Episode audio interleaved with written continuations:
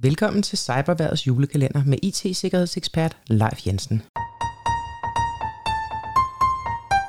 Mit navn er Leif Jensen, og jeg har arbejdet med IT-sikkerhed i snart 30 år.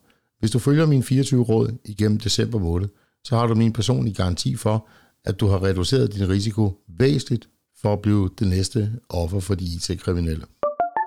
Så er det lov nummer 16. Der står Bitcoin.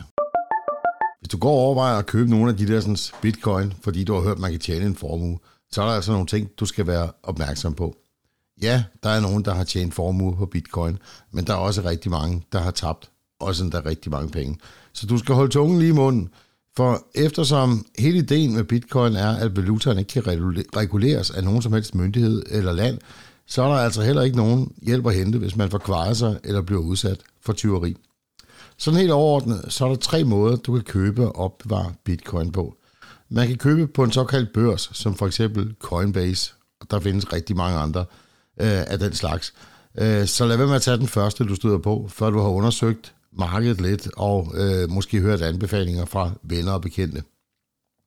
Her der bliver din bitcoins opbevaret på selve platformen, og den helt store risiko er, at øh, disse bitcoin-børser, de er altså i søgelyset hos de kriminelle, og ganske ofte så lykkes det hacker og øh, hacke de her bitcoin-børser og rent faktisk få stjålet øh, nogle eller alle de bitcoins, der ligger derinde.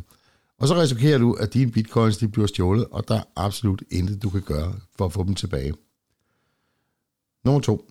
Nogle af de her handelsplatforme, de giver dig mulighed for, at du selv opbevarer din bitcoin, når de først er købt.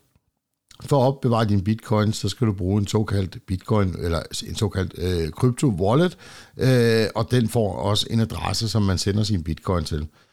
Den wallet, den installerer du enten på din telefon eller computer, og så ligger dine bitcoins der, og kun der. Ulempen er, hvis du får stjålet din telefon, eller bare glemmer kodeordet til din wallet, så er din bitcoin altså tabt. Nummer 3. Hvis du har en bitcoin wallet, så er der faktisk mulighed for at printe dine bitcoins ud på et stykke papir. Det lyder helt vanvittigt, men det er det altså. Det vil sige, at du får printet en meget, meget lang række af koder, og ud fra disse koder, så kan du faktisk genskabe din wallet og dermed dine bitcoins på et tidspunkt, når du enten skal bruge dem, eller har lyst til at sælge ud af dem. Min absolut vigtigste anbefaling, hvis du vil handle med bitcoin, det er, sæt dig rigtig godt ind i det, inden du går i gang, og vær forberedt på, at det er bestemt ikke lige så nemt, som det lyder. Nu har jeg godt nok kun talt om bitcoin, men stort set samme principper gør sig gældende for de flere tusind andre kryptovaluta, der findes derude. Det var Cyberværets julekalender for i dag. Vi høres ved igen i morgen.